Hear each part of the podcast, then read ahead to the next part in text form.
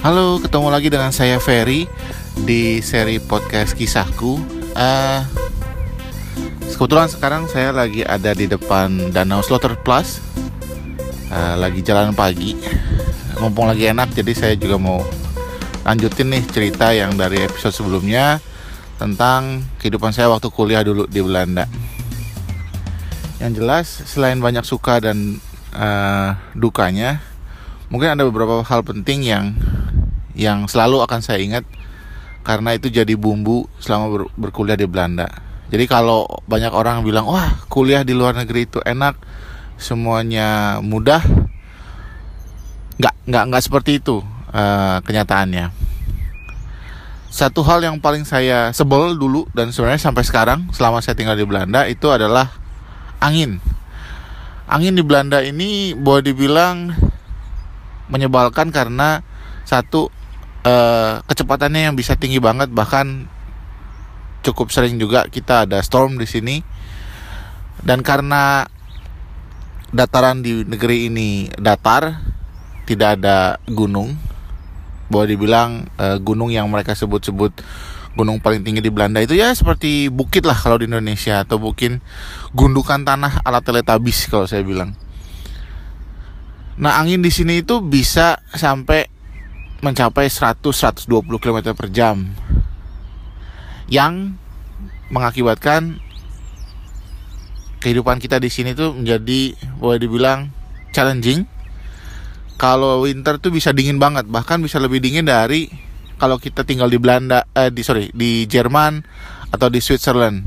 Banyak yang bilang wah di Jerman itu dingin, eh, bahkan eh, sering pula ada salju. Di Swiss juga begitu kan, apalagi kalau lihat foto-foto di Swiss saljunya itu selalu kayaknya uh, abadi gitu tapi kalau dari yang saya alami sendiri adalah di di Jerman dan di Swiss anginnya tidak sekencang di Belanda. Jadi kalaupun winter, kalaupun ada salju di nego, di dua negara tadi itu sebenarnya lebih tidak dingin dibandingkan di Belanda. Nah di Belanda ini salju kadang nggak turun sama sekali, tapi dinginnya itu menusuk tulang gitu dan ini yang paling paling bikin kesel ketika kita harus uh, berkuliah dan jarak dari tempat penginapan kita ke kampus itu cukup jauh.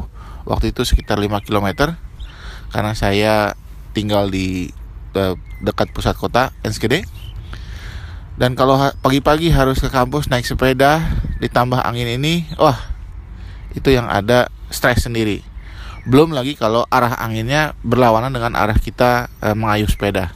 Itu rasanya kita e, sedang naik bukit karena e, anginnya sangat kencang dan dingin.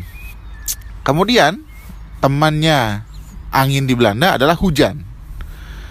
Sebenarnya hujan di Belanda ini nggak ada apa-apanya sih kalau dibandingkan di Indonesia. Dalam artian intensitas air yang turun itu tidak sebanyak kalau hujan di Indonesia. Jadi nggak ada istilahnya kita bisa basah kuyup dalam dalam hitungan detik. Karena di sini definisi mereka hujan tuh lebih sering uh, kalau di kita mungkin hujan rintik-rintik atau drizzling kalau dalam bahasa Inggrisnya. Cuman perpaduan kedua ini angin dan hujan nah itu yang bikin bete selama kuliah. Belum lagi hujan ini di musim misalnya uh, musim semi, terutama musim semi ataupun musim gugur itu bisa seharian. Jadi pergi ke kampus kita kehujanan dan kedinginan, pulang juga gitu. Nah, jadi ini adalah dua combo maut. Bahkan dua combo ini boleh dibilang secara finansial juga e, merusak kantong. Kenapa? Dulu namanya mahasiswa kita selalu mikir, wah buat apa sih beli payung anti badai? Harganya bisa antara 60 sampai 80 euro.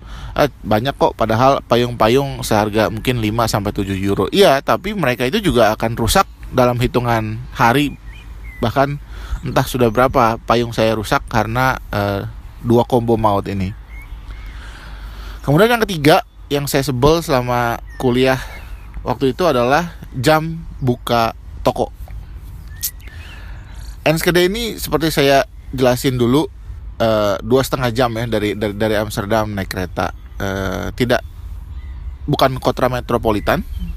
Kalau di Belanda ada istilahnya Randstad jadi sekitar Amsterdam Rotterdam Den Haag itu disebut Randstad. Mungkin kalau di kita mungkin istilahnya Jabodetabek. Jadi Enschede itu boleh dibilang mayoritasnya adalah e, mahasiswa. Jadi kota-kota pelajar. Bahkan karena dia ada di perbatasan dengan Jerman banyak sekali mahasiswa Jerman yang kuliah di Enschede nah di Enschede ini waktu itu entah sekarang bagaimana toko-toko rata-rata tutup sekitar jam 5 sampai jam 6 sore. Jadi kalau malam kita mau keluar atau misalnya kita uh, pulang agak terlambat dari uh, kampus, ya semua supermarket sudah tutup. Jadi kalau kita misalnya mau masak terus kurang bahan, ah itu mesti putar otak. Gimana caranya ngatur jadwal antara jadwal kuliah yang tadi 5 km uh, jaraknya dari kampus ke tengah kota dengan waktu ber berbelanja. Belum lagi kalau kita mau misalnya main-main keluar atau um, makan malam di luar itu pilihannya nggak banyak. Karena juga lebih banyak yang tutup. Bahkan juga lucunya ada banyak uh, cafe atau kedai makanan yang sebenarnya buka hanya untuk lunch. Kemudian yang keempat yang saya sebel juga ketika berkuliah itu adalah ban sepeda. Jadi kalau boleh dibilang perubahan yang paling berarti dari dari saya tinggal di Indonesia kemudian berkuliah di Belanda itu adalah saya semakin mandiri e, kemudian ke mana-mana naik sepeda. Tapi satu hal yang saya tidak pernah belajar dulu waktu di Indonesia adalah bagaimana memperbaiki ban sepeda yang bocor. Saya ini badannya besar ya. Jadi saya nggak mau menutupi fakta ini boleh dibilang perjalanan naik sepeda itu dalam setahun ya bisa lah sekitar 4 sampai 5 kali ban itu bocor di tengah jalan efeknya tadi ketika hujan dan angin yang kencang bisa jadi kita malah mendorong sepeda kita uh, karena uh, bannya bocor di tengah jalan. Belum lagi kita harus menambalnya sendiri. Kenapa? Karena tambal ban, jasa tambal ban di sini cukup mahal. Sebagai mahasiswa, satu gengsi, yang kedua juga ya sayang duitnya. Masa cuman menambal ban itu aja kita harus bayar sekian euro gitu. Tapi alhasil ya namanya juga kita apa penambal ban amatiran nggak berapa lama bocor lagi nggak berapa lama bocor lagi jadi ini empat hal yang yang buat saya cukup ngeselin menyebalkan selama saya kuliah bahkan kalau boleh dibilang eh, dua combo maut yang pertama itu seminggu pertama saya di Belanda membuat saya pengen pulang. Kenapa? Karena inget banget waktu itu baru seminggu saya ada kuliah yang berakhir sekitar jam 5 jam 5 di Belanda itu boleh dibilang sudah gelap.